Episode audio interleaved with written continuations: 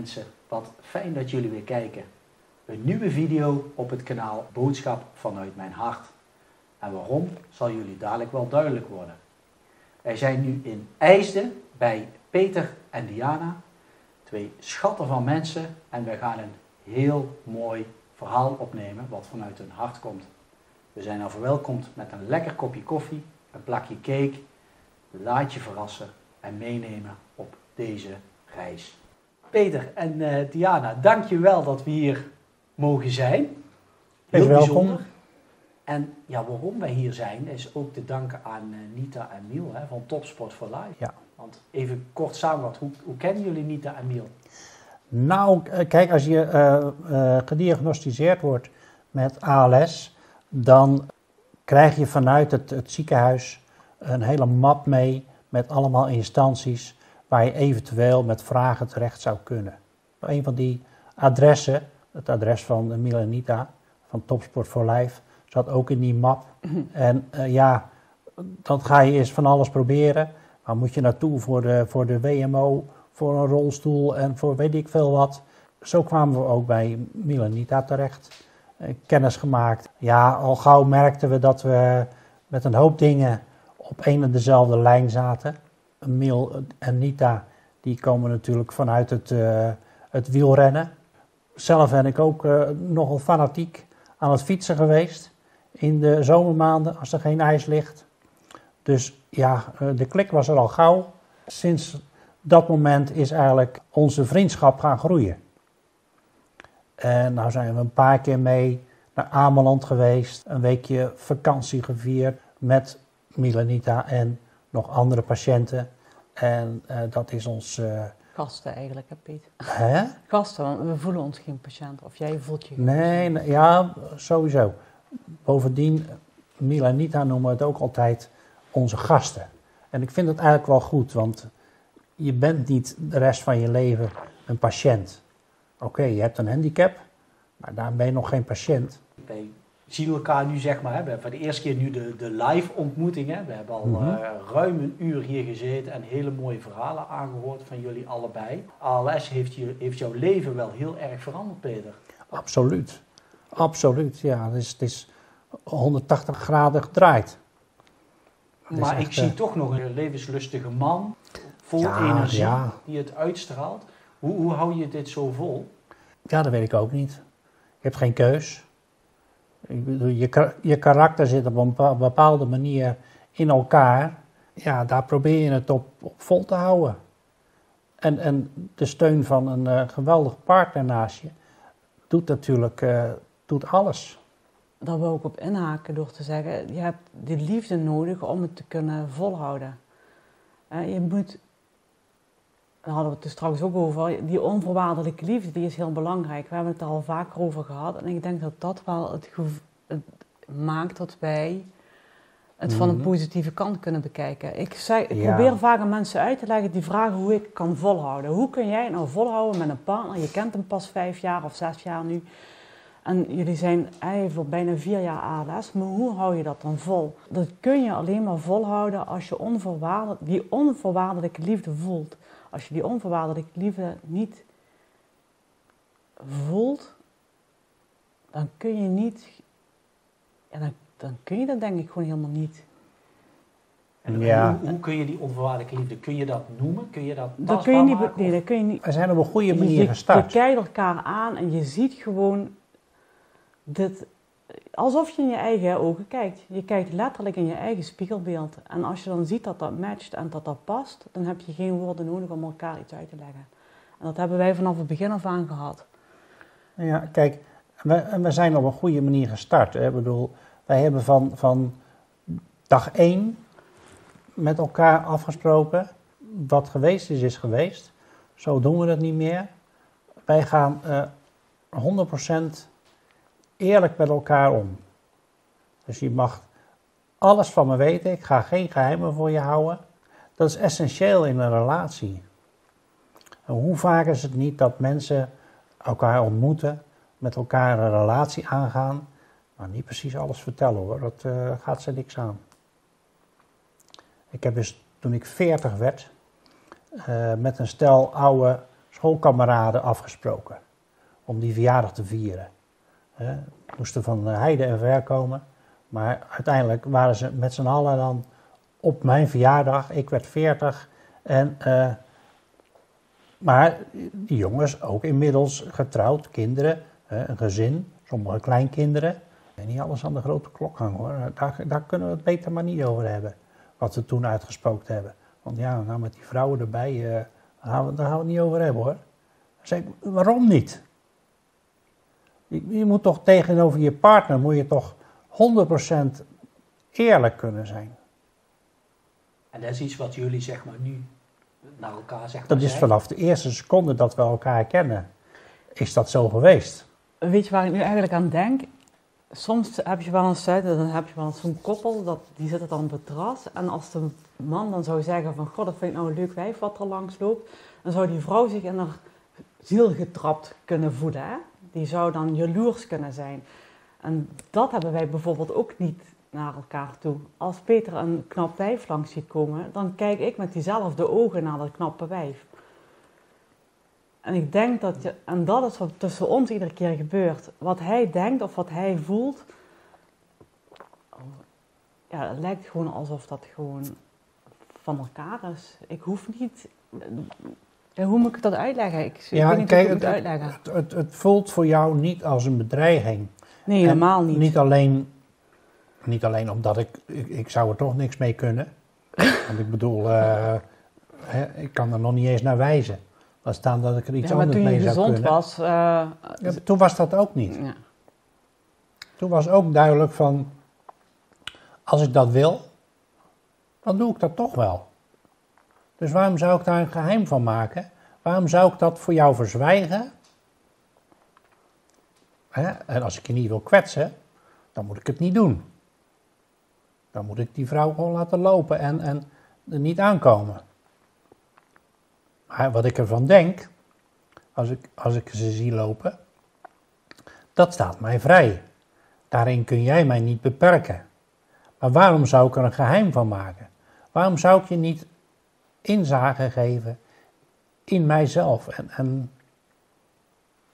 daar open en eerlijk in zijn? Jullie kennen elkaar vijf jaar, hè? ja, zes nu. In, Zes, ja. ja. in oktober wordt het zes jaar. Ja.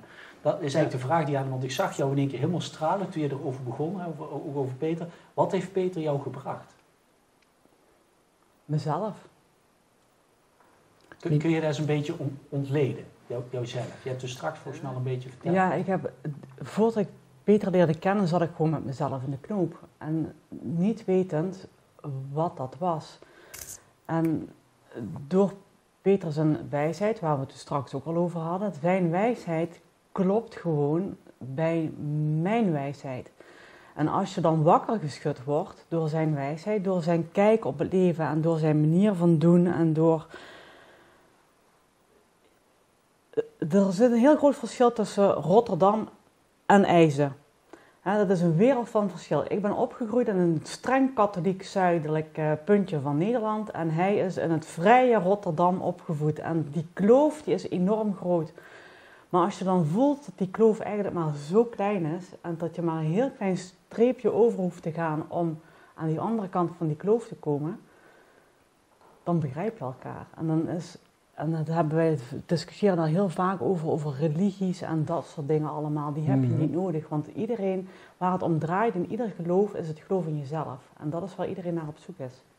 Is, is dat dus ook wat Peter jou, het geloof in jouzelf terug Ja. heeft gebracht? Ja, Hoe, hoe ben je die daar veranderd? zelfliefde. Die liefde voor jezelf. Als je jezelf niet lief vindt of leuk vindt of aardig vindt of mooi vindt, dan kun je niks. Hoe kun je bijvoorbeeld eerlijk zijn naar een ander als je niet eerlijk bent naar jezelf? Dat kan, dat kan niet. Het begint bij jezelf. Dus je moet e- eerlijk en oprecht zijn naar jezelf. Dus eerlijk en oprecht naar je gevoelens en, en naar je emoties. En, en Die eerste paar maanden waren gewoon heel heftig Ja. tussen ons. Er is gewoon Ja. van beide kanten is toen heel veel eruit gekomen wat wij... Dat bekende rugzakje. Iedereen heeft een rugzak. mm, maar waarom zou je die rugzak niet delen met elkaar? Als je elkaar vertrouwt, dan kun je best je rugzak delen.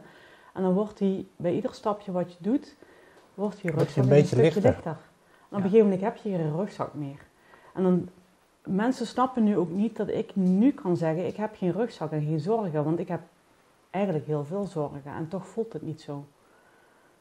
Ja, het, het mooie is, ik voel ook uit jullie voelen dat het is geen zorgen, zeg maar, dat wat je zegt. Nee, je ziet, Nee, wij voelen ik het sta niet s als ochtends zorg. op en dan zie ik wel hoe de dag eindigt. En dan ben ik dankbaar dat ik deze dag weer heb mogen ervaren. En waar we het toen straks over hadden, waar wij heel dankbaar voor zijn, is dat Peter nog altijd zijn spraak heel goed heeft. Dus je kijkt naar wat, wat heb je wel nog en kun je daar dan dankbaar voor zijn. Ja, ik kan er heel dankbaar voor zijn. Dat dat het niet meer doet, vind ik heel erg. Maar dat, als ik daarbij stil ga staan, word ik verdrietig ervan. Maar als ik dan kijk dat ik wel nog hele mooie verhalen met hem kan vertellen, dan ben ik zo dankbaar dat ik dat nog kan doen. Dus ga ik mij daarop richten, op het praten met elkaar. En dat is wat, ja, Mhm. wat gewoon heel wat belangrijk is, wat gewoon de connectie is tussen ons. Ja, want Peter heeft je ook beter ja, teruggebracht bij jezelf, de zelfliefde. En dus eigenlijk ook wel een beetje gekomen. Mijn moeder vond het, eh, die had het er heel moeilijk mee dat ik Peter heb leren kennen. Die Mhm. had zoiets, ik zat natuurlijk, ik, kwam, ik was gescheiden van mijn ex, dus de, de vader van mijn dochter. Ehm, toen ben ik in een hele rot relatie terechtgekomen en ik zat daar nog in. Ik was daar eigenlijk, ik was hier aan het afronden toen ik Peter leerde kennen. En Peter heeft mij die schop onder die kont gegeven die ik nodig had om wakker geschud te worden en te stoppen met die relatie waar jij het er straks over had. Je loopt dat rondje en je loopt iedere keer tegen diezelfde steen aan. Nou, die steen, die zag ik opeens liggen door hem. En toen ging mijn, mijn blik ging open en toen had ik zoiets van, ja, maar dit is inderdaad wat ik gewoon iedere keer verkeerd doe. Ik, in een relatie verlies ik mezelf. Ja. En dat moet ik niet doen ik moet mezelf niet verliezen. Ik moet gewoon terug bij mezelf komen. Want als ik terugkom bij mezelf, kan ik ook die liefde geven die die ander nodig heeft. En anders blokkeer je. Ja. Dus Peter is een cadeautje geweest om jou ja, ja. bij jezelf te laten komen. Ja, en zo voelt het. En zo voelt het nog steeds. Ja. En dat is wel een heel zwaar cadeautje soms. Nu, hoeveel jaar ben je gediagnosticeerd met ALS? Op eh, uh, 22 maart eh, uh, 2000. 19, kreeg ik officieel de diagnose te horen van ja, het is, dat andere is het allemaal niet. Dus het moet ALS zijn. Dus ja. bij deze, u heeft ALS. En nu? Ja, nu niks. Nu ga je afdrinken.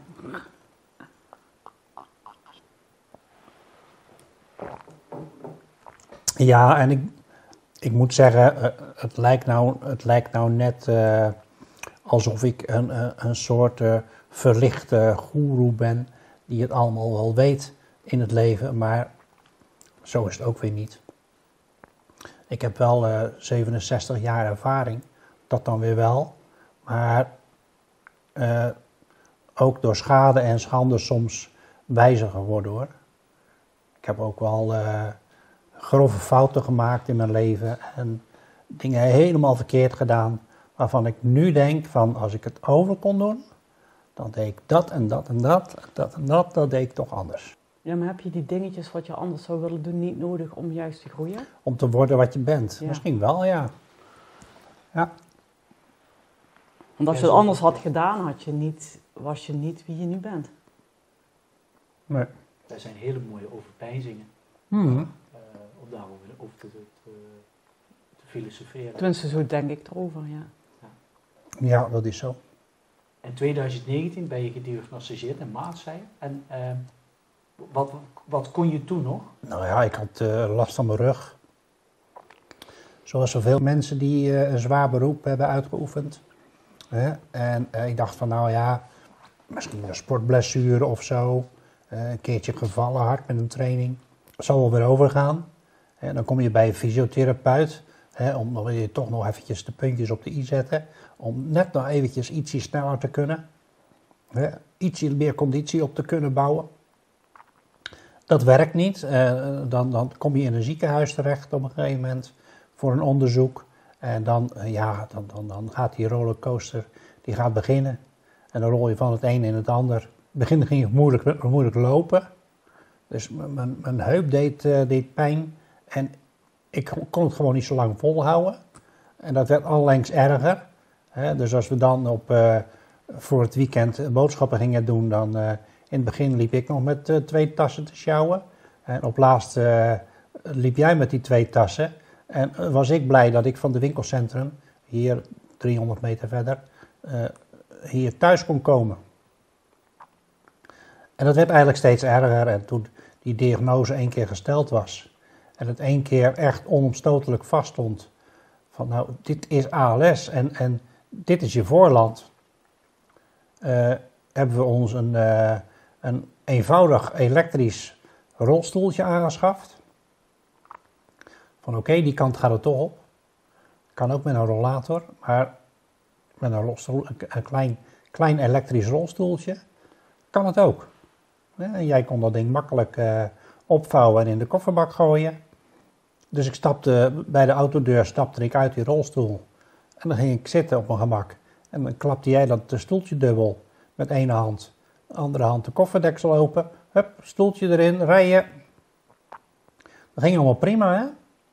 En dan, maar ja, geleidelijk aan ga je steeds verder aftakelen. Op een gegeven moment dan doe je been het helemaal niet meer. En dan kun je niet meer uit je stoel overeind komen. Heb je zowat een takel nodig om uh, rechtop te komen staan als je dan één keer staat, dan gaat het ook wel weer. Maar op een gegeven moment gaat dat ook niet meer. En, en het is een heel geleidelijk proces. Ja, het eerste half jaar ging het eigenlijk het, heel, het, het snel. Ging het dus snel hoor. Nou. Vanaf maart dat je die diagnose gehad. Tot aan het eind van het jaar. Ja, want toen we naar uh, gingen, naar Tanja en Marcel, zat je al in die... Zat ik al in die groene rolstoel? Nee, in die andere. Had je die groene, maar die hadden, we, die hadden we al meegenomen. Die hadden we toen al bij ons, ja voor het geval dus hij, kon toen wel nog, hij kon toen nog wel een paar stappen zetten. Je kon nog wel de overstap maken van rooster naar bed bijvoorbeeld, of van rooster naar het toilet. Maar lopen ging toen eigenlijk al niet meer. Ja, ik kon, ik kon in, Bar, in, in bij Marcel en Tanja toen, weet ik nog, uh, dan kon ik, als ik één keer stond uit die rolstoel vandaan, uh, dan konden we in Polonaise naar het toilet. Hè, dat jij voor mij uitliep en ik jouw schouders vasthield. Ja. En dan schuifel, schuifel. Hè, als, een man, als een man van 85 achter jou aan. dat, dat ging dat nog. ging nog. Alleen de toilet uh, uh, die was te laag en dat soort dingen, dat merk je dan. Hè. Als je van een lage zit op moet staan, dat ging al niet meer. Dat ging al niet meer. Dus dat, dat, dat hebben we nog net, nog net dat vol kunnen houden, het weekendje, dat, dat we daar waren. Maar er gebeurt dus heel veel. Hè? Om, om ja, mensen absoluut. Mensen die nu nog gediagnosticeerd worden met ALS. Wat ging er door jullie heen toen je die diagnose kreeg? Wat was de eerste, wat kwam er binnen? Ja, je denkt, Dat, je, je denkt dat je gek wordt. Want je weet van, uh, ja, uh, dat op zijn hoogste uh, kan het een jaar of vijf duren. De rand kom je daar wel op terug. Wij kennen inmiddels mensen die al veel langer met ALS te, te maken hebben. Ja, soms 20, 25 jaar. Dus ja, uh, het is niet per definitie zo dat je max vijf jaar hebt en daarna ga je dood. Zo is het ook weer niet. Maar dat is wel wat je verteld wordt. Drie tot vijf jaar is ongeveer je levensverwachting. En dan, uh, ja, dan schrik je wel, ja. schrik je. Wat, wat mijn ervaring is, is de eerste paar maanden zijn heel heftig. Buiten het feit dat hij niks meer kan, moet je ook heel veel regelen natuurlijk. En je hebt hulpmiddelen nodig in huis. En dat is een hele strijd geweest met alle bureaucratische instanties, om maar even zo te noemen. Maar mijn ervaring is, toen we dat eenmaal allemaal geregeld hadden en op de rit hadden, dan kun je het eigenlijk, als je dat dan weer kunt loslaten. En je, kun je het redelijk zelf handelen. ja. En dan kun je ook het loslaten. Dan, wij staan er niet meer bij stil. Wanneer, wanneer ga je nou dood? Daar sta je gewoon helemaal niet bij stil. Want ik kan net zo goed ik altijd eerder doodgaan dan hem. Dus ja, waar maak je je druk om? Als gezond mens sta je toch ook niet bij het stil van... Uh, ooit ga ik dood en hoe moet dat dan? Dus het leidt je leven ook niet? Nee, het bepaalt je leven niet. Maar hoe leer je het los te laten? Want in het begin heb je misschien heel veel houvast of zo, dat je, heel, dat, dat je, dat je voelt het, het leven ontglipt me eigenlijk. Maar hoe leer je loslaten? Hoe hebben jullie dat geleerd? Ja, dat vind ik moeilijk. Gewoon door, door realistisch te zijn en te beseffen van iedereen gaat dood. Ik bedoel, eh, mijn moeder van eh 95, eh, aanstaande dinsdag, staat ook niet stil bij de dood. Als je het er al over hebt, dan zal ze zeggen, ja, ja, ja dat, dat eh, zal best. Zal, van- zal wel een keer gebeuren, ja. En hoe? Nou ja, dat zien we dan wel. Hoe gaat jouw moeder bijvoorbeeld om met jouw ziekte? Ja, vindt ze moeilijk. Vindt ze heel moeilijk. Ja. Ja, Ja, zeker. buiten ook de leeftijd natuurlijk. Ze heeft natuurlijk de leeftijd. Ze was, eh, even denken, je hebt het nu vier jaar, dus zij was 91. Ja. Weet je, dan begrijp je sommige dingen ook niet meer. Hè? ja, nou, ze was Ze, toen- was, ze, begreep, ze begreep destijds het was ze, nog, was ze nog wel eh, ja, in eerste, helder, instantie, hoor. in eerste instantie reageerde ze echt zo heel nuchter. Ja. Van ja, dat is echt ook iets weer voor jou hè, om te krijgen. Ja, echt wel voor jou. maar ja, joh, ach, wie weet. Misschien dat het eh, over een tijdje wel weer overgaat, joh. Ja. Ik neem aan. Dit gaat niet over. Echt niet. Want je, hebt, want je hebt wel he- hele mooie inzichten ook gekregen, want ook wat je over vertelde over jouw vader. Wil je dat ook delen? Eh, daar wil ik best iets over Want, want kwijt, ja. want jouw vader is heel jong overleden. Ja. Die is al eh, ruim 40 jaar eh, niet meer onder ons. Ja. Want wat, wat, wat is daar gebeurd? Zeg maar? Mijn vader heeft een, eh, een ongeluk gehad op zijn werk. Eh, er is een, een, ja, een veiligheidspal van een kettinginstallatie afgebroken. En daar stond een enorme spanning op. Dat ding is afgebroken en is onder zijn, eh, of boven zijn oog, onder zijn wenkbrauw ingeslagen. Met zo'n dusdanige harde klap dat hij zijn oogkas aan de achterkant verbrijzeld heeft. Achter zijn oog zaten alleen maar een heleboel botscherven die allemaal weer gereconstrueerd moesten worden. Toen hebben de artsen een, eh, een gaatje in zijn jukbeen geboord eh, om eh, achter het oog te kunnen komen. Het oog was volledig intact. En die hebben dat, eh, dat, die botscherven weer in elkaar gepuzzeld. Dat genezingsproces dat is in gang gegaan. Alleen dat gaatje in dat jukbeen, dat ging maar niet dicht. En ja, bij nader on- onderzoek is daar uiteindelijk gebleken dat daar een tumor zat. Hoe oud was jij toen even? Toen was ik, eh, eens even kijken, Eh, goh, dat is in 19, eh, Begin jaren 80. 1980 zo'n Ja. beetje geweest. Ja, ik ben slecht met data's hoor, dus eh, ik weet dat niet meer zo precies. Maar in ieder geval rond, rond 1980. Eh, dat gaatje dat ging dus niet dicht. Dat gaatje werd alleen maar groter. En dat gaatje werd een gat. Van zijn neus tot aan zijn oor en van zijn wenkbrauw tot aan zijn onderkaak. Een gat waar, je, eh, waar een flinke vent een vuist in kon stoppen. Zo'n gat. Het is ten eerste voor hem eh, bijzonder pijnlijk geweest. Echt ex- extreem pijnlijk. En voor een buitenstaander afschuwelijk om te zien. Ja, ik kan me voorstellen. Ja, hoe mijn moeder eh, voor hem gezorgd heeft en eh, wat dat een indruk op mij gemaakt heeft. Dat, eh, dat heb ik als heel bijzonder ervaren. Ja, ik had, ik had als, als, al- als, als puber en als jong volwassene eigenlijk een beetje de indruk dat de liefde tussen hen wel uitgeblust zou zijn. Zal zijn, want eh, ja, zoveel was daar nou aan de buitenkant niet zichtbaar van. Pas later, toen ik besefte dat ze al eh, bijna een jaar eh, sliep op het matje voor zijn bed, op de grond. Toen drong het pas eigenlijk ten volle tot mij door dat je toch wel heel erg veel om iemand moet geven om zo, zo bezorgd te zijn. Hoe heeft dat het leven bij jou veranderd? Nou, in eerste instantie nog niet eens zoveel. Pas naderhand ben ik me dat ten volle gaan realiseren. Het heeft me wel het gevoel gegeven van, ja, dat is, dat is wat je in een relatie moet hebben. De relatie die ik had met mijn ex, met de moeder van mijn kinderen. Dat was mij al gelijk al duidelijk van, ja, dit, dit is het niet. Dit, dit eh, eh, is niet gebaseerd, gebouwd op echt, echt houden van. Echt er voor elkaar zijn. En nee, dat is het niet. Letterlijk tot de dood ontscheidt. Ja. Ja. ja. Hoe omschrijf je nu houden van, Streven naar een, eh, naar een eenwording. Een, een, een eh, Samensmelting van twee zielen. samensmelting ja, van twee zielen, ja. Een eenwording, een spirituele en psychische, op alle vlakken tot één, één zijn. Jouw pijn is mijn pijn. Die is heel mooi.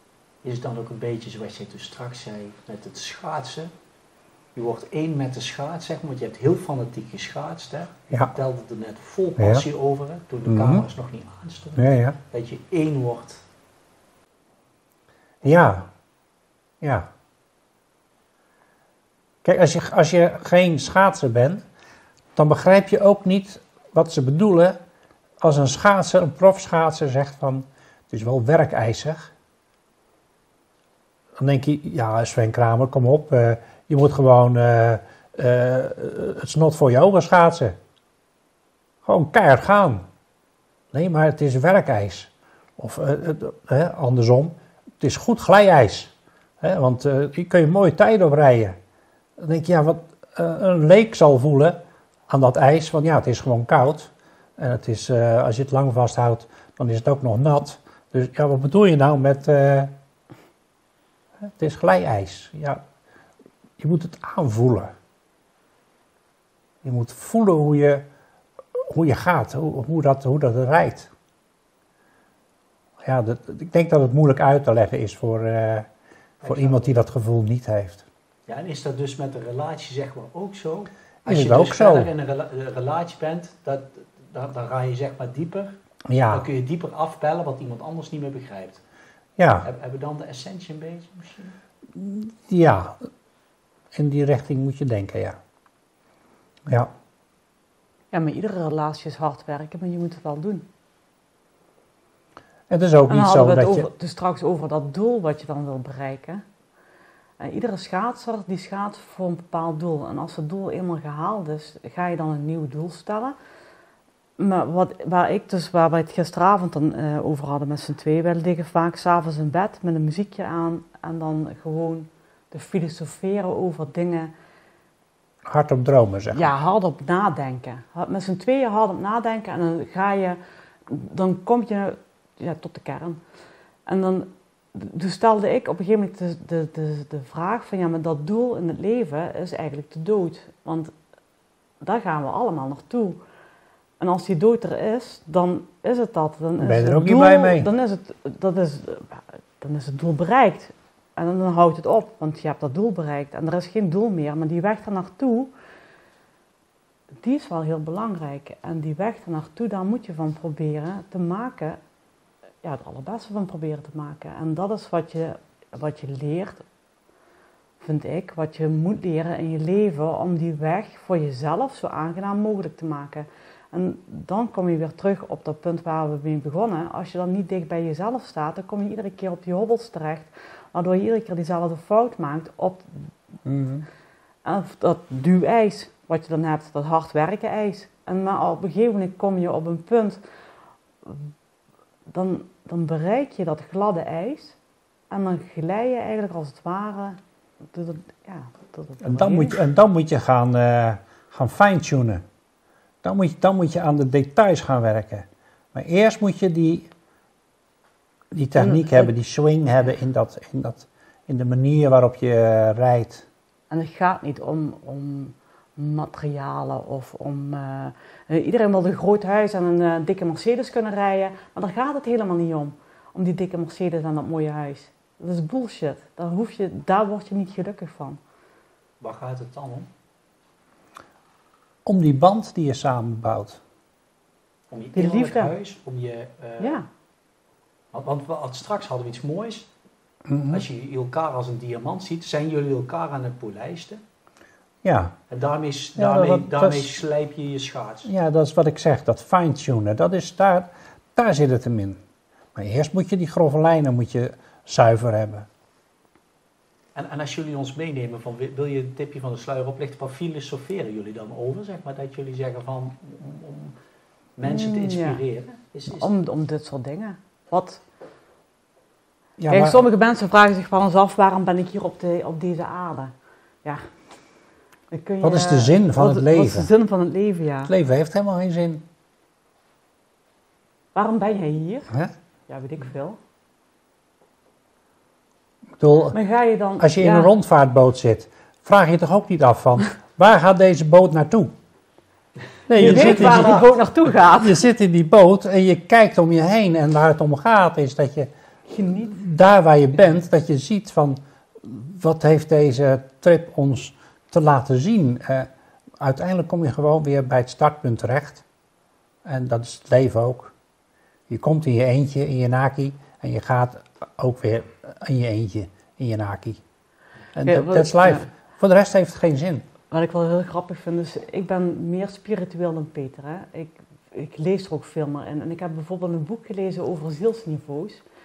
En dat is wel wat mij ook wel... Jij hebt dat veel minder, maar ik ben dan wel... Wat je als ziel doet, is je zoekt iemand die op hetzelfde niveau als jou functioneert. En in de zielenwereld heb je tien niveaus waar je op kunt, eh, kunt op de wereld terecht komen. Als je dus gelooft in een reïncarnatie, dan komt jouw ziel bijvoorbeeld in niveau 5 terecht. Wat ik dan heel grappig vind, is bijvoorbeeld alle, of veel politieke leiders, die zitten in dat vijfde niveau. Die zijn alleen maar bezig met hun ego. Die zijn niet bezig met andere dingen. Die willen alleen maar status en macht en die zijn hun ego aan het, eh, aan het opvleuren. Maar als jij hoger in dat niveau stijgt, en je hebt 10 niveaus, dan leer je, al, leer je jezelf steeds beter kennen. En als je dan denkt van wat is dan mijn doel in het leven, als je in dat tiende niveau zit, dan heb je geen doel meer. Het enige wat je dan nog doet, is Kijken wat je voor die ander kan doen. ja, Kijken Ja. van, hoe kan ik jou, hoe kan ik jouw leven verrijken? Hoe kan ik voorkomen dat jij last hebt van mij? En dat jij profijt hebt van mij, in plaats van last. Zonder dat je eerst naar jezelf kijkt van, wat word ik daar nou wijzer van? want als je samen wijs bent en samen die liefde voelt, Maar, en als de, ander dat, als de ander dat ook vult, dan, voel je, dan vul je elkaar aan.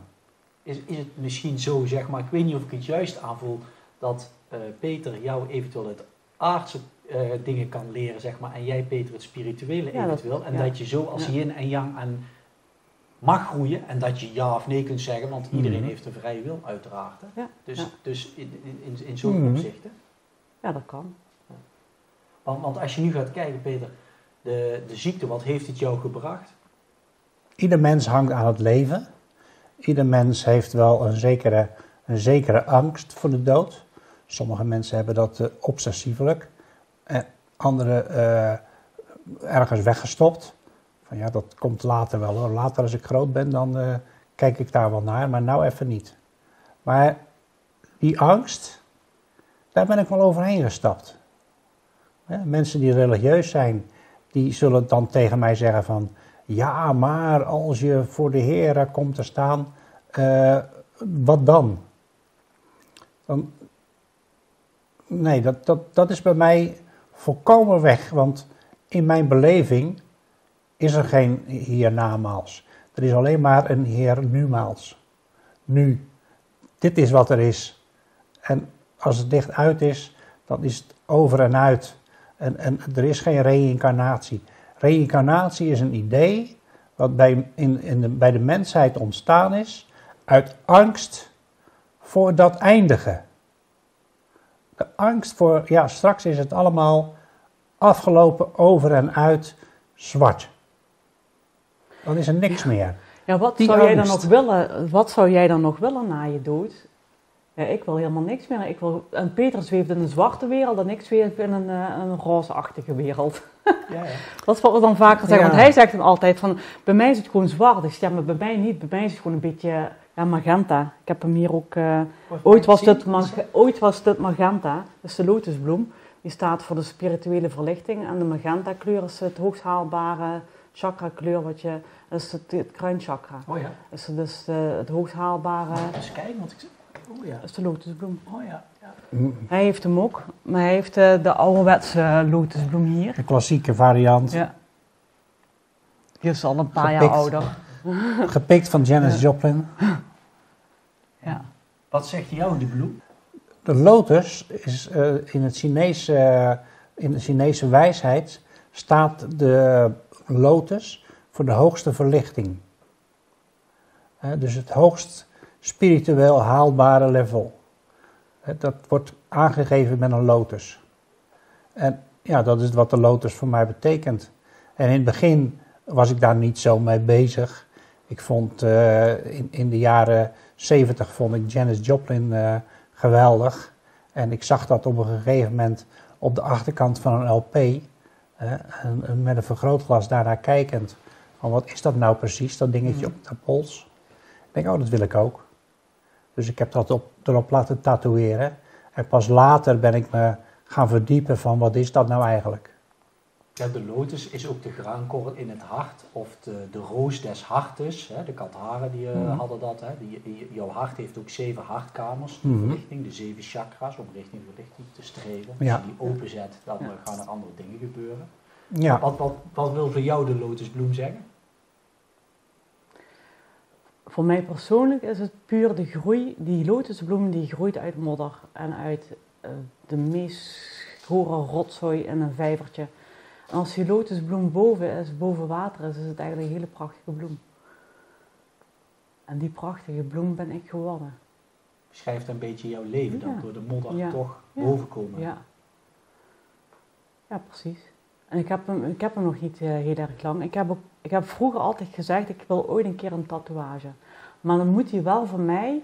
Ik hoef er ook helemaal niet meer, want sommigen zeggen dat is moet een, verslavend. hè? moet Dat een persoonlijke niet. betekenis hebben. Het moet voor mij een persoonlijke betekenis hebben en ik wil hem dan ook op een plek waardoor ik eraan herinnerd word. En deze, ja, die hoort bij mij, die tatoeage. Die laat mij zien van, joh, je hebt zo hard gewerkt om die mooie lotus te mogen zijn. Kijk je dan eigenlijk in de spiegel? Ja, Ja, nou die tatoeage ben ik niet meer zo bewust mee bezig die hoor. jij niet, maar ik wel. Want die staat, er is- al, ja. die staat er al een halve eeuw. Dus eh, daar ben ik niet zo persoonlijk mee bezig. Maar, eh, wel met een, een manier te vinden van hoe kom ik tot, tot dat niveau?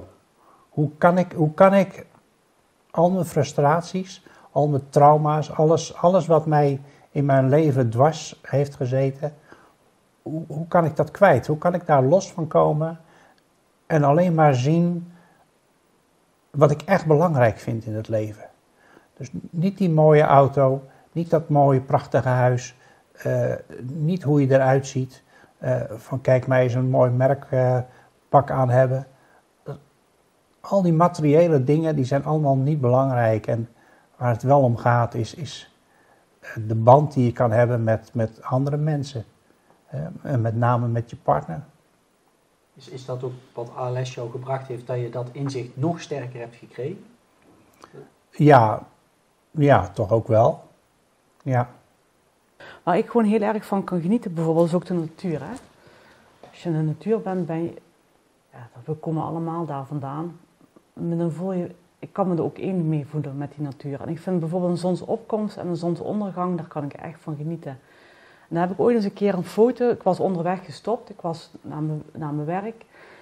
En bij ons eh, fietsen langs de Maas fiets ik dan en dan heb je aan de ene kant waar de zon opkomt, het Savelsbos. Dus die zon die komt eigenlijk vrij laat pas omhoog.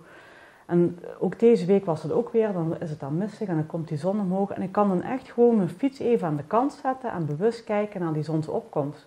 Want zonder die zon heb je geen licht. En het moet ook wel donker worden, dus die zonsondergang die brengt dan de donkere... De, Zonder de- licht het- geen duisternis. Ja, precies. Ja. En zo moet je het leven ook En zien. En dat is iedere dag weer opnieuw. En iedere dag heb je die zon nodig, de zonnige kant in het leven nodig, om ook de duistere kant te durven zien. Want die duistere kant hebben we allemaal nodig om ook weer die zonnige kant tot bloei te laten komen. En het blijft gewoon een, een cirkeltje, denk ik, of zo. Dan zitten we Nee, weer nee. te filosoferen over. Maar de- over dit soort dingen hebben wij het dan s'nachts ook, of s'avonds als we in bed liggen. Dat is niet s'nachts. Maar maar zag je die dingen vroeger ook? Nee, meer anders denk ik. Minder. Ik heb het wel altijd in me gehad, maar nooit tot uiting durven laten komen. Omdat je in, de, in deze wereld als raar wordt bestempeld als je over dit soort zweverige dingen.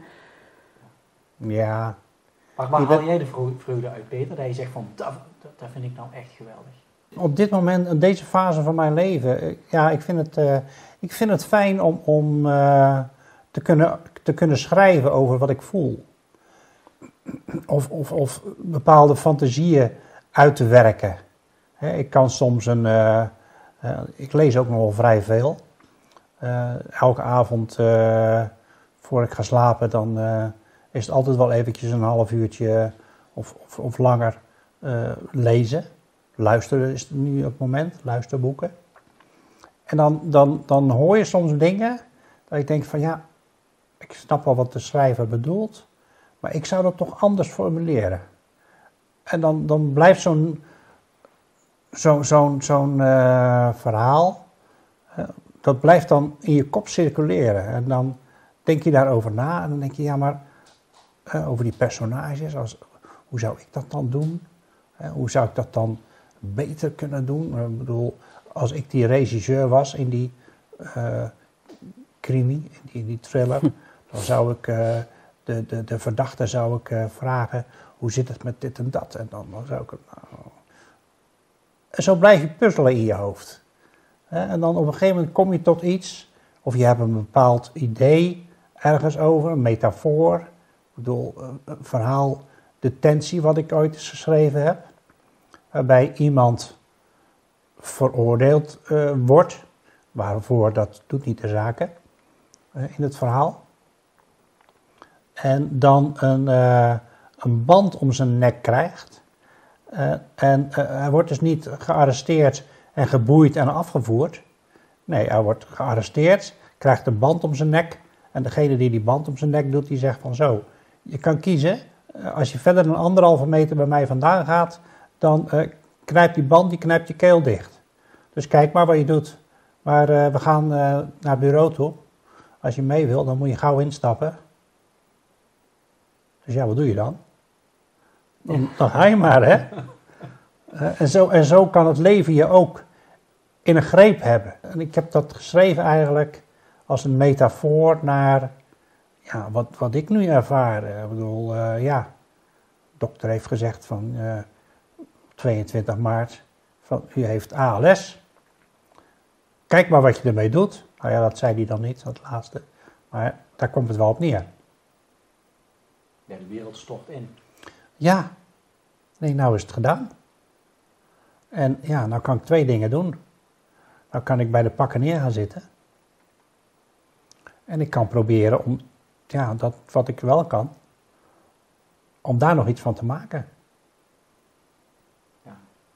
En de boodschap die jij bijvoorbeeld hebt voor mensen die nu ermee gediagnosticeerd worden, wat, wat- zou je tegen die mensen eigenlijk willen zeggen? Dat je, Wat ik daartegen zou willen zeggen, ja, ja kijk, ALS is, is, dermate grillig dat het niet te voorspellen is hoe het gaan zal. Hè? eh, Stephen Hawking, bekend wetenschapper, die eh, onlangs, of onlangs, een jaartje geleden is overleden, die heeft eh, 27 jaar met die ziekte geleefd. Volgens mij nog langer. Misschien nog wel langer, ja, ik weet niet precies hoor. Maar in ieder geval, die heeft er heel lang mee geleefd. En ondanks dat heeft hij tijdens zijn studie als jonge vent en, en later ook nog vele boeken geschreven over dingen waar je denkt van joh, hoe, hoe kun je de energie opbrengen als je ALS hebt en, en fysiek steeds minder kunt? Hoe kun je het opbrengen om je daarin te verdiepen? En dat is ook wel een inspiratiebron geweest voor me.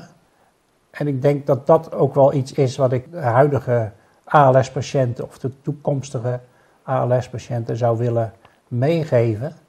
Eh, probeer je dan te concentreren op de dingen die je wel kunt. En, en kijk om je heen naar welke mooie dingen het leven nog te bieden heeft. En Niet, niet, niet verbitterd raken in wat je allemaal niet meer kunt. Maar eh, leer steeds meer te kijken naar dat wat, jou, dat wat jouw eh, leven waardevol maakt. Ben je niet tot het besef gekomen wat jouw levensvreugde geeft daardoor? Ja, tuurlijk. Maar dat is wat ik, nu af te vragen. dat is wat ik steeds. Dat is wat ik steeds zeg. Jij geeft mij zoveel, zoveel reden om, om, om verder te willen. En daar ben ik je enorm dankbaar voor. En ja, dat is, dat is, Kijk, dat ik- is mijn strohalm. Bij typische eisen hebben we het daar ook over gehad. Hè. Er zijn bepaalde dingen door die ALS wat je gewoon heel erg gaat missen. En dat is bijvoorbeeld de intimiteit. Hè. Ik heb het in dat programma ook gezegd. Wat ik heel erg mis is die aanraking. Ieder, ieder mens, levend wezen, heeft die aanraking nodig. Of je nou een, een hond bent of een poes of een mens. Ieder mens heeft even die streling nodig, die aanraking. En hij kan dat niet spontaan bij mij. En dat, dat mis ik enorm. Want als je in een relatie zit, jou, eh, het moet van twee kanten komen. Hè? De, als de een al de ander niet aanraakt, wat gaat de, de ander dan doen? Die gaat zich terugtrekken, want hij voelt die connectie niet. En wij hebben die, die connectie wel, maar die voelsconnectie die is ook weg, want hij kan het niet. Maar dat is puur omdat hij het niet kan. Het is niet dat hij het niet wil, hij kan het niet. Ik zou En dat is wat willen. bij mij heel moeilijk is, want ik moet dan gaan nadenken van hij, hij wil het wel, maar hij kan het niet. Dus wat is dan mijn taak om hem, ik wil het hem wel laten voelen, maar dan moet ik het doen. Dan moet ik Ja, die iets, hand iets, pakken. iets anders en- wat ik van bijvoorbeeld van de coronaperiode geleerd heb, is hoe belangrijk het is om juist binnen die anderhalve meter te komen. Hè, ik bedoel, ik, ik heb me zo voorgesteld, stel nou je bent eh 20, je bent vrijgezel en je gaat een avond uit en je wil eens eh, een leuke, eventueel potentiële partner tegen het lijf lopen. Dan kun je niet op anderhalve meter afstand eh, tegen zeggen, eh, boven de muziek uit, eh, schreeuwend, van ik vind jou leuk, wil je iets van me drinken? Dat werkt toch niet? Nee. Dat werkt niet. Je moet in elkaars nabijheid komen en elkaars energie voelen. Je moet in die intieme zone, iedereen heeft een intieme zone, en dat is minder dan die anderhalve meter. Volgens mij is dat wettelijk of eh, wetenschappelijk ooit op ander, een halve meter of zo. Hè. Ja. Als iemand binnen die halve meter komt en je voelt die connectie niet, dan wil je hem weg hebben. En je Maar je voelt, moet wel in die zone je voelt in ieder geval, je voelt in ieder geval iets. Om ook die Je voelt een- te aantrekking. voelen. Of je voelt een afhouden. Ja. Je voelt iets. Hè, Het kan nog zo'n bloedmooie vrouw zijn, als je in de buurt komt en je voelt van, oh, eh, die moet ik niks van hebben dan die vent zeg. Dat voel je. Ja, klopt. Je voelt of je iemand lichamelijk ook kunt, of iemand lichamelijk ook met je connect. En dan vind ik, eh, ik moet even iets heel anders nu. We hadden dat de hele tijd terug, is dat al eens geweest, ooit eens een keer een discussie op Facebook gehad, dat je, ehm, val je nou op het uiterlijk of op het innerlijk van mensen? En kun je nou inderdaad alleen maar echt op het uiterlijk vallen? Ik vind het uiterlijk wel heel belangrijk. Ik vind het wel belangrijk dat iemand er ook, ik vind het zelf leuk om er leuk uit te zien, dus ik vind het ook wel belangrijk dat die andere er leuk uitziet. Heb je dan toch die twee nodig? Of kun je echt alleen maar op dat innerlijke vallen? Ja, hoe ik het zelf voel is, het is yin en yang. Het, is dus, het dient in balans te zijn. In balans. En in, in het leven zijn we volgens mij alleen maar op zoek naar balans. Hè? Om in het Hmm. midden Ja. te blijven. Ja. En ooit ga je een beetje te ver naar links en te ver naar rechts. Zoals jij zo mooi zei, van, ja, sommige dingen zou ik overnieuw hebben gedaan. Alleen als je niet te ver naar links was gegaan of te ver naar rechts, had je niks geleerd. En ja, en daar heb je misschien ooit mensen bij gekwetst of noem maar Ja. op. Hè? Waar, Ja. waar, waar- waar iedereen wel eens mee loopt. En dan denk je van, oh ja, en daar leer je dus Ja. van. En Het is een constant leerproces. Ja, dus ik denk, voor mijn gevoel, als het een vraag naar mij is, ik zou zeggen dat het een combinatie dient te zijn van. Want als iemand bewijs van bloed mooi is, maar, de uitst maar het gevoel, dan, dan, dan, dat, dat loopt niet. Nee, nee. dat stroomt niet. Ja, want dan zit je, ik heb het zelf nooit gedaan hoor, maar men- hoe kun je nou op Tinder zien of je iemand leuk vindt of niet? Want die kop, die zegt mij helemaal niks. Nee, nee de- Ik kan wel Ja. die kop heel mooi vinden, maar ja, als het innerlijk... eh, En dat is wat, wat je nodig hebt. Je hebt twee connecties nodig. Dus de, de lichamelijke aantrekkingskracht naar elkaar, maar ook het geestelijke naar Ja. elkaar. En dan heb ik En toevallig een soms kan één van die twee, soms kan één van die twee ontbreken.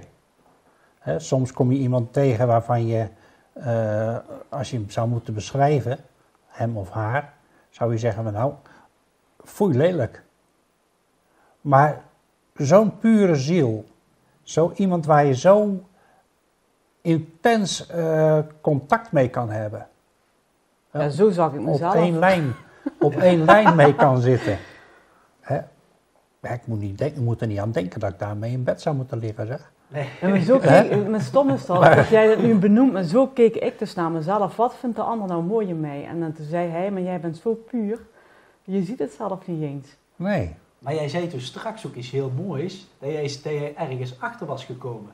Ik ben erachter gekomen dat ik gevoelens van anderen overnam. Dat ik dus inderdaad, dat, dat hooggevoelige wat je dan hebt, dat je Mhm. emoties niet van jezelf zijn. En als je daarachter komt, dat, je, dat het niet mijn gevoel is of mijn emotie, dan kun je die ook, dan moet je dan leren natuurlijk, die leren los te laten. En dan kom je ook bij jezelf terug. Ja. Ik nam van mijn collega's heel veel gevoelens over. En op een gegeven moment kwam ik erachter van, hé, maar wacht eens even, dit is, dit is niet wat ik voel. je kunt wel, je kunt wel van alles voelt. op die kar laden, maar op een gegeven moment is die kar vol. En dan kan er niks meer bij. Dat is het rugzakje bij je. Ja, dat Ja. rugzakje. Die zorgen, zijn dat jouw zorgen of zijn het de zorgen van iemand anders? Ja, Want ik kan me wel zorgen maken om, eh, ja, hoe moet je maar op? ja verzin maar iets eh, waar je je zorgen om kan maken.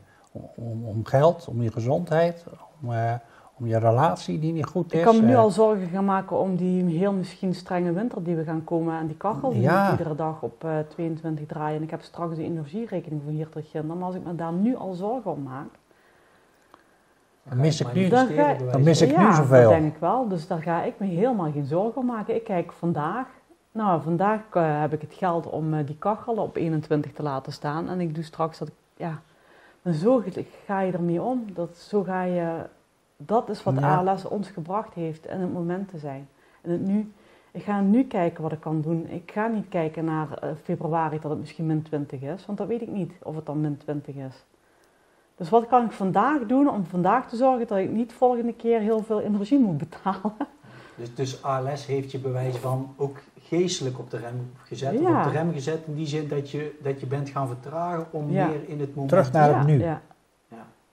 Geen, niet allemaal van die toekomstplannen maken. Morgen is er een nieuwe dag en morgen zie ik wel wat ik doe. Ik kan nu al bedenken dat ik morgen de stad in wil, maar misschien heb ik daar morgen helemaal geen zin in. En ik kan nu al, en dat vind ik ook altijd heel knap dat mensen dan voor een hele week boodschappen kunnen doen. Hè? Ik kan dat dus niet. Want ik wil vandaag voelen, ik heb vandaag zin in, noem maar iets, spinazie. Dus ik ga vandaag spinazie halen. Maar, ik kan toch nu niet zeggen dat ik morgen En zin heb in champignons? Wat eten want we dan morgen? Dat Ja, weet ik niet. Ik weet ik weet nog helemaal niet. niet of ik Ja. zin heb in champignons Misschien morgen. ben ik er morgen wel niet meer. En, en, eh, En dat zijn Ja. van die hele kleine dingen. De mooiste cadeautjes zitten in het kleine, toch? Ja, absoluut. Absoluut.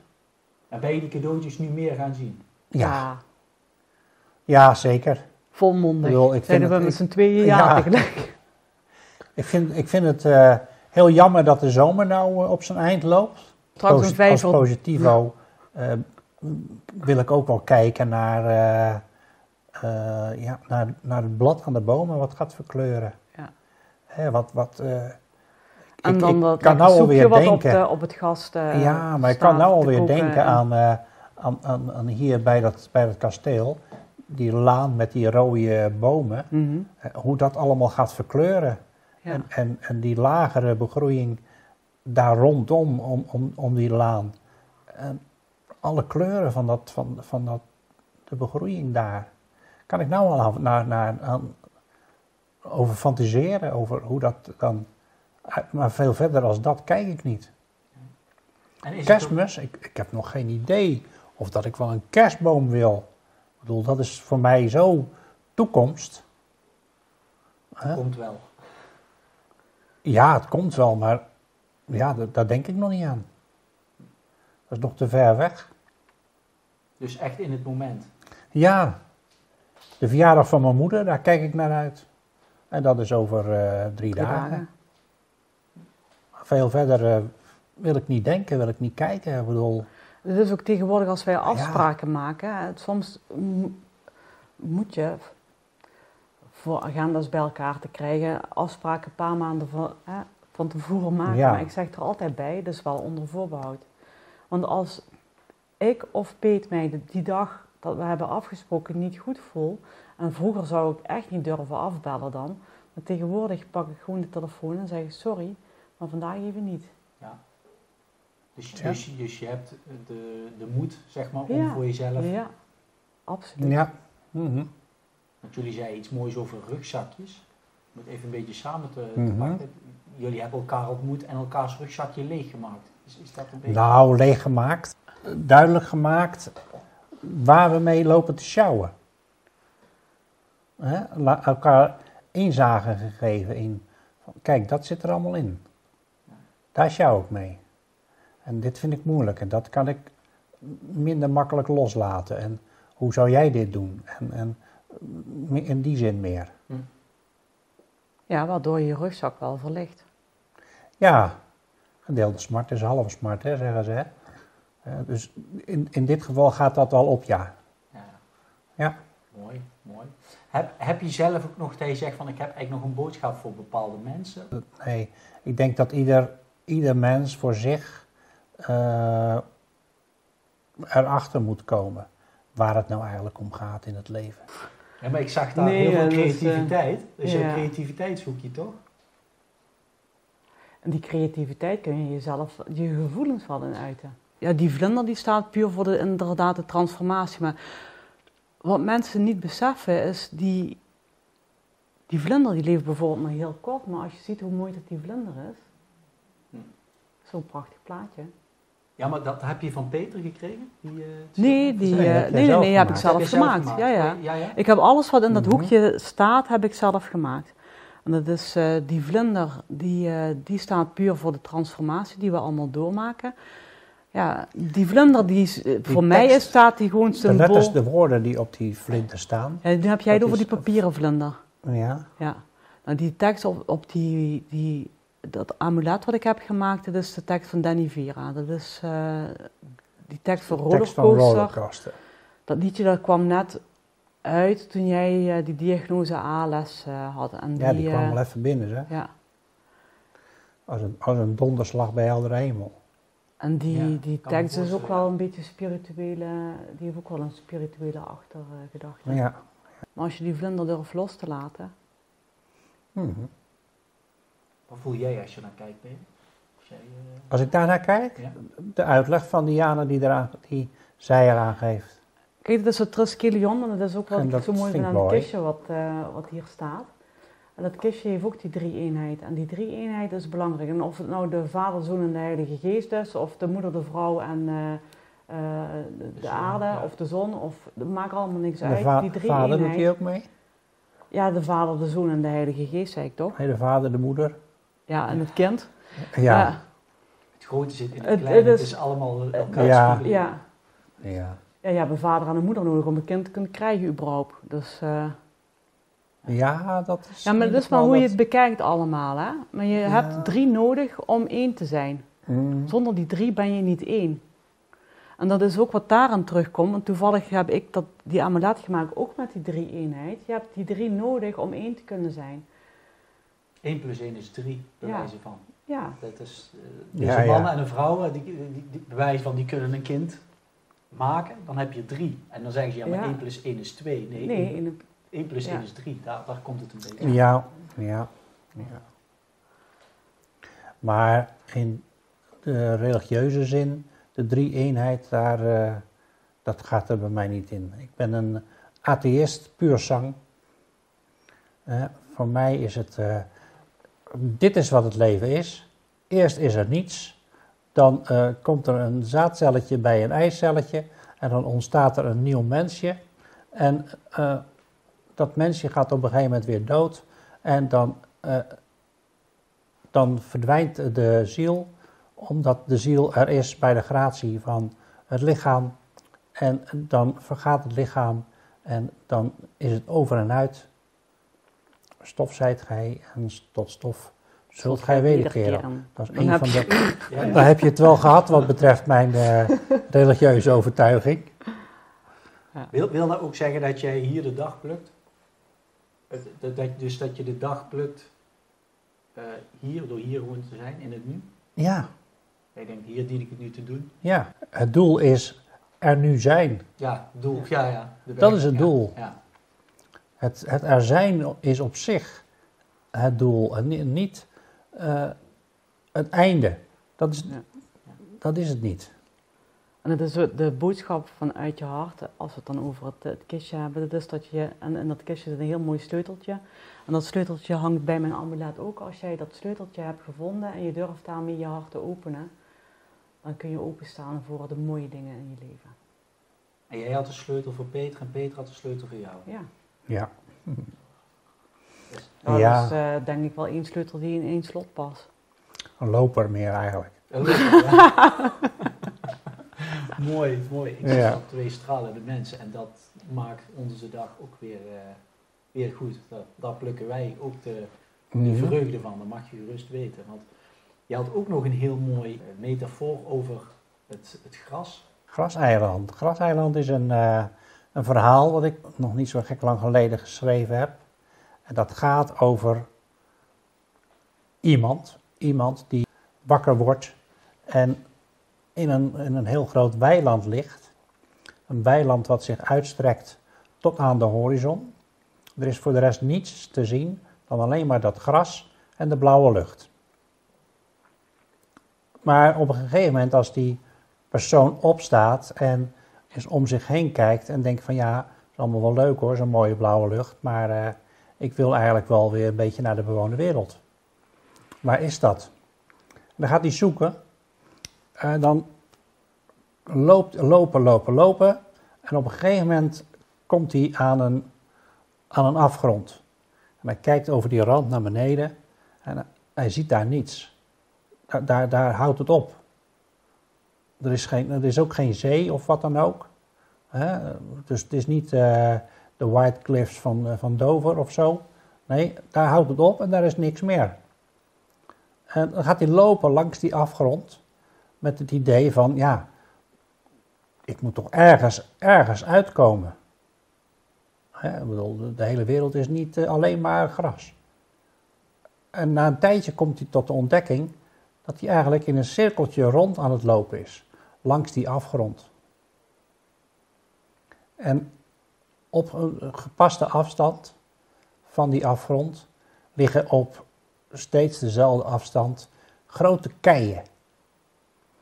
En eh, dan gaat, op een gegeven moment gaat hij de stappen tellen, zoals iemand die in, in, bijvoorbeeld in een gevangenis zit, die weet precies van het is eh, vijf stappen zo en drie stappen zo.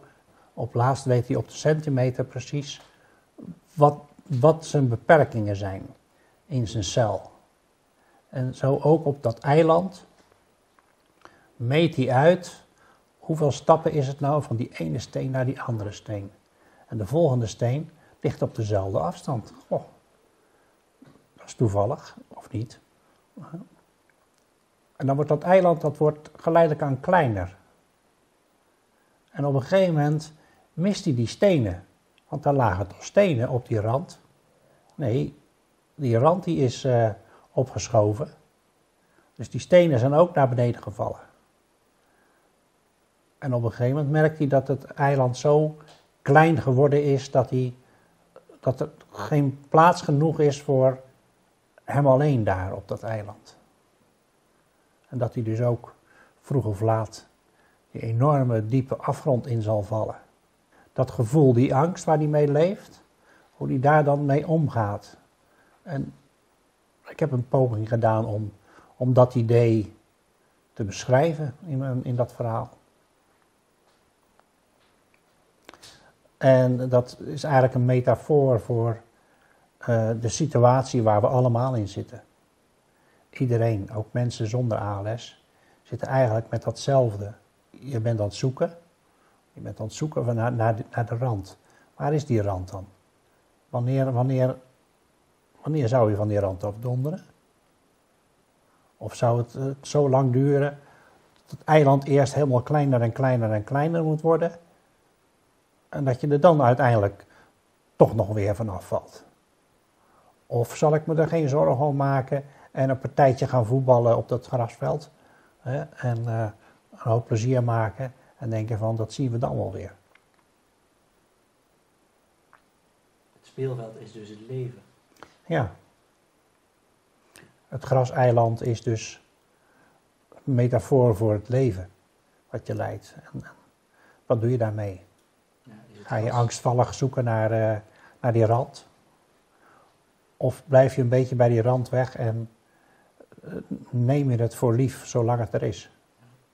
En is het ook symbool voor jouzelf dat steeds ingeperkt wordt? Ja, ook dat. Want, want vanaf het moment dat je te horen krijgt van uh, dit is je diagnose, daar moet je het mee doen. Dan weet je van daar ligt mijn beperking. Dat staat mij te wachten en zo lang kan het duren. En doordat dit gebeurd is, ben je tot al deze heldere inzichten gekomen. Op een andere manier uh, bent gaan kijken naar het leven, ja. Wat zegt het voor jou, Diana, dit uh, verhaal, deze metafoor? Hoe zie jij hem? Ik bekijk hem als uh, ja, het eindpunt. En wat hij zegt, hoe kleed jij dat, de weg naar dat eindpunt toe, hoe kleed jij dat in? Dat heb je zelf in de hand. Het was mij niet, niet mijn keuze om, het is niemands keuze om ziek te worden. Maar je, wel, je kunt wel kiezen hoe je ermee omgaat. En dat is de, waar eigenlijk dat, dat grasland mij, dat verhaal wat je dan schrijft, wat, wat mij dan wel tot nadenken zet. Dat is de manier waarop je er zelf mee omgaat. Je kunt constant op zoek gaan naar die rand en kijken van, ja, uh, wat, wat ga ik doen in het leven? Risico's nemen? Uh, moet ik op een gegeven moment gaan bungee jumpen? Om, om die rand op te zoeken? Om te weten van, als het touwtje breekt, hè, in plaats van dat hij me eh, als een elastiekje weer omhoog katapult, dan ben ik er geweest. Moet je op zoek naar die rand?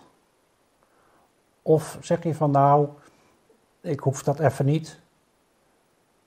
Ik zoek het in andere dingen. Hoe heb je die rand ook vaak opgezocht? Dat jij zei met Absoluut. duiken zonder, het zonder... Wil je er iets dat jij deed duiken, zo, uh, alle salto deed maken? Ja, salto's maken ja, in het zwembad zonder dat je kan zwemmen. Ja, ik heb, ik ben, ik heb wel uh, vaak uh, langs die rand gelopen, zeg maar, in mijn leven jij balanceert inderdaad, Peter, dat is wel grappig dat jij dat, zei, dat aardse en het, het, het, spirituele. Jij hebt gebalanceerd op uh, het, de, het aardse vlak, zeg maar, iedere keer op het randje. En ik denk ik iedere keer wel op het spirituele vlak. Ik heb ook op een gegeven moment tegen hem een, een s'avonds gezegd van ik heb het gevoel dat ik op een, op een balk loop en aan de ene kant van die balk is het zo'n evenwichtsbalk, hè, stel ik me dan voor. En aan de ene kant is het zwart en aan de andere kant is het licht. En naar welke kant wil ik toe? En dan balanceer je daartussen. Maar je kunt wel kiezen of je die donkere kant wilt zien of je lichte kant wilt zien. Maar uiteindelijk balanceren we allemaal op, op het leven. Ja, ja. ja toch? En, en het mooie, wat ik zelf mooi vind, is aan het gras. Je kiest gras en geen steen. Je, groen, mm -hmm. groen ja. leven. Gras onder je voeten, strak blauwe lucht. Maar wat doe je ermee? Het leven heeft veel moois te bieden, maar ja, je, moet het wel zien. Je moet het wel willen zien, kunnen zien. Ja, mooi. En ja. Uh, ja, ik kon nog vragen van hoe kijken jullie naar de toekomst, maar je leeft niet. met de dag, toch? Ja, ik dat, leef niet dat, in de toekomst. Nee. Ik heb geen toekomst. Ik bedoel, ja. Ik kan wel over de toekomst gaan zitten fantaseren wat ik allemaal zou willen, maar wanneer weet ik of ik dat zou kunnen halen? Je, kunt, je kunt mijn moeder ook vragen van... Uh, hoe ziet u de toekomst? Hè? Ze, wordt, ze wordt 95 uh, over drie dagen. Hoe ziet u de toekomst voor u? Ja, niet. Ja. Niet. Straks koffie drinken, zal ze zeggen. En veel verder denkt ze niet, kijkt ze niet. Hm. Heeft ook geen zin om je, om je daar druk over te maken. Wat brengt dit je als je dat wel doet? Angst voor de dood. Nou hebben wij natuurlijk ja, wel de leeftijd. En kijk, al- een, puber wilt, heeft wel toekomstplannen. En die, die, die puber moet er wel over nadenken. Hè, over wat hij met zijn toekomst zou willen. Maar Mhm. die fase zijn we al lang voorbij. Als je één keer hebt gevoeld dat twee zielen kunnen samensmelten, dan iedereen heeft een tweelingziel en het woord zegt het al twee. Punt. Daar stopt het voor mij. Dus die connectie die kan ik nooit op deze aardse planeet opnieuw vinden. Dus daar ga ik ook helemaal niet naar op zoek. Dat wil ik ook helemaal niet. Dat hoef ik ook helemaal niet. Want ik weet zeker, en zo denk jij er dan niet over, maar in mijn hart, laten we het dan even over hè, blijven houden. In mijn hart blijf jij voortleven. We hebben ook al vaker gevraagd, waarom heeft jouw moeder nou nooit nog een vent, want ze was 56 of 55 toen je vader stierf, ze is nu Ja. 95. He- Heeft ze nooit naar een man willen zoeken of heeft zij dat, we hebben het er ook nooit gevraagd, was die man voor haar die onvoorwaardelijke liefde en die, die, die tweelingziel? En eh, heb je, daar heb je het ook nooit over. Ik, snap- ik snap wel wat je... Maar dat is puur Mhm. de denkwijze van mij. Dat is mijn denkwijze, mijn geestelijke denkwijze. En ah, sommige mensen hebben dat wel, anderen niet. Voor mij hoeft het, ik hoef niet, ik denk niet aan mijn toekomst, Peter. Als jij dan niet meer bent, hoe moet ik nou kunnen weten wat ik ga doen als jij er niet meer bent? Ja, dat kun je niet overzien, nee. Peter is bang om mij achter te laten, terwijl ik de iedere keer tegen hem zeg, daar hoef je niet bang voor te zijn. Want ik ben sterk genoeg om het aan te kunnen. Ja. Het is ook een beetje dat je wil blijven zorgen. Zeg maar, voor Ja, tuurlijk. Hij wil voor mij blijven Het zorgen. verdriet wat je... Het is ook een, beetje het gedichtje wat eh, bovenaan op mijn wat als als website staat. Verwoord dat eigenlijk wel. Wat Peter op die, eh, daarop schrijft. En dat is wat, wat hem bezighoudt en waar ik gewoon helemaal niet mee bezig ben. Want ik ga verder. En hij moet dat vertrouwen ook hebben. Dat ik verder ga.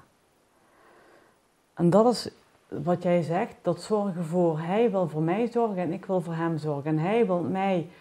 ehm, hij hoopt dat ik straks verder durf en kan gaan. Maar hij moet erop vertrouwen dat ik dat doe. Of hij mag erop. Hij mag erop vertrouwen. Ja, Maar ik, Dat ik ik kan dat niet doe. over mijn dood heen regeren. Nee, daarom. Nee, nee. En Dus dat is wat jij moet. Dat en zou dat je wat willen, je. dat zou je willen. Van joh, ga alsjeblieft verder. Maak op een of andere manier, maak nog wat van je leven. Hij schrijft want- dus op, zijn op jouw website hè, het, het, Mhm. het stukje. Als het zover is, kun je mij dan laten? Kun je dan, als het zover is, laat je mij dan ook echt? Maar ga je dan wel? Geef jij dan niet op? Als het zover is, ga jij dan wel verder, alsjeblieft?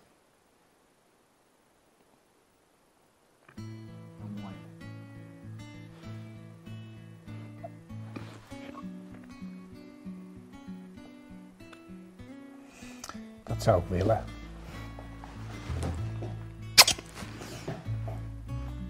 En dan zeggen mensen wel eens van, eh, nou als ik doodga, dan wil ik, eh, wil ik eh, zo'n kist en dan moeten dan wel zulke bloemen op en dan moeten jullie dat en dat muziekje spelen.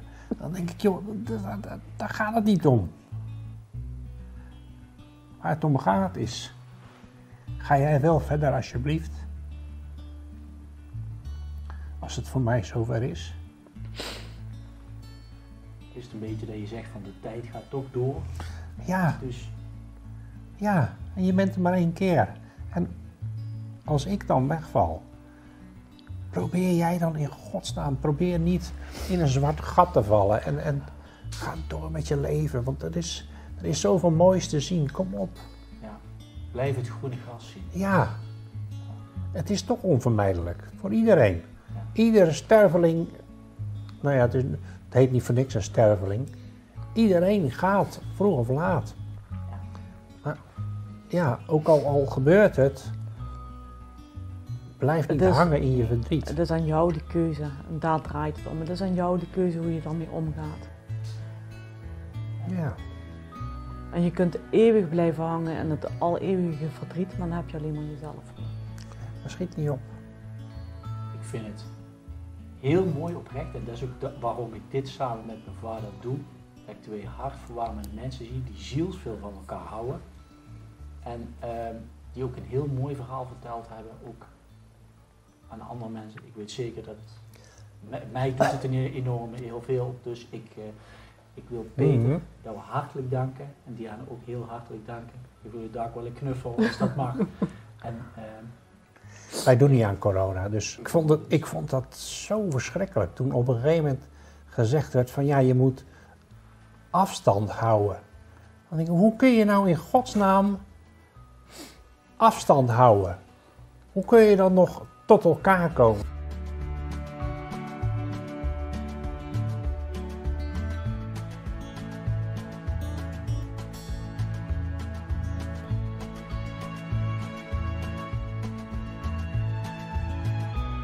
Nou, dank, dankjewel lieve mensen voor het kijken naar dit hele mooie, hartverwarmende verhaal van Diana en Peter.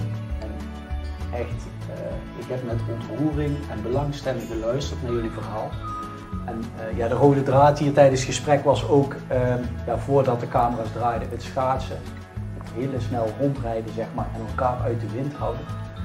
En ja, die metafoor kwam toen straks nog wel een paar keer ter sprake misschien niet in de film, maar anders daarvoor. Maar elkaar uit de wind houden en af en toe elkaar weer in de wind zetten om zo verder te groeien en dingen van elkaar te leren.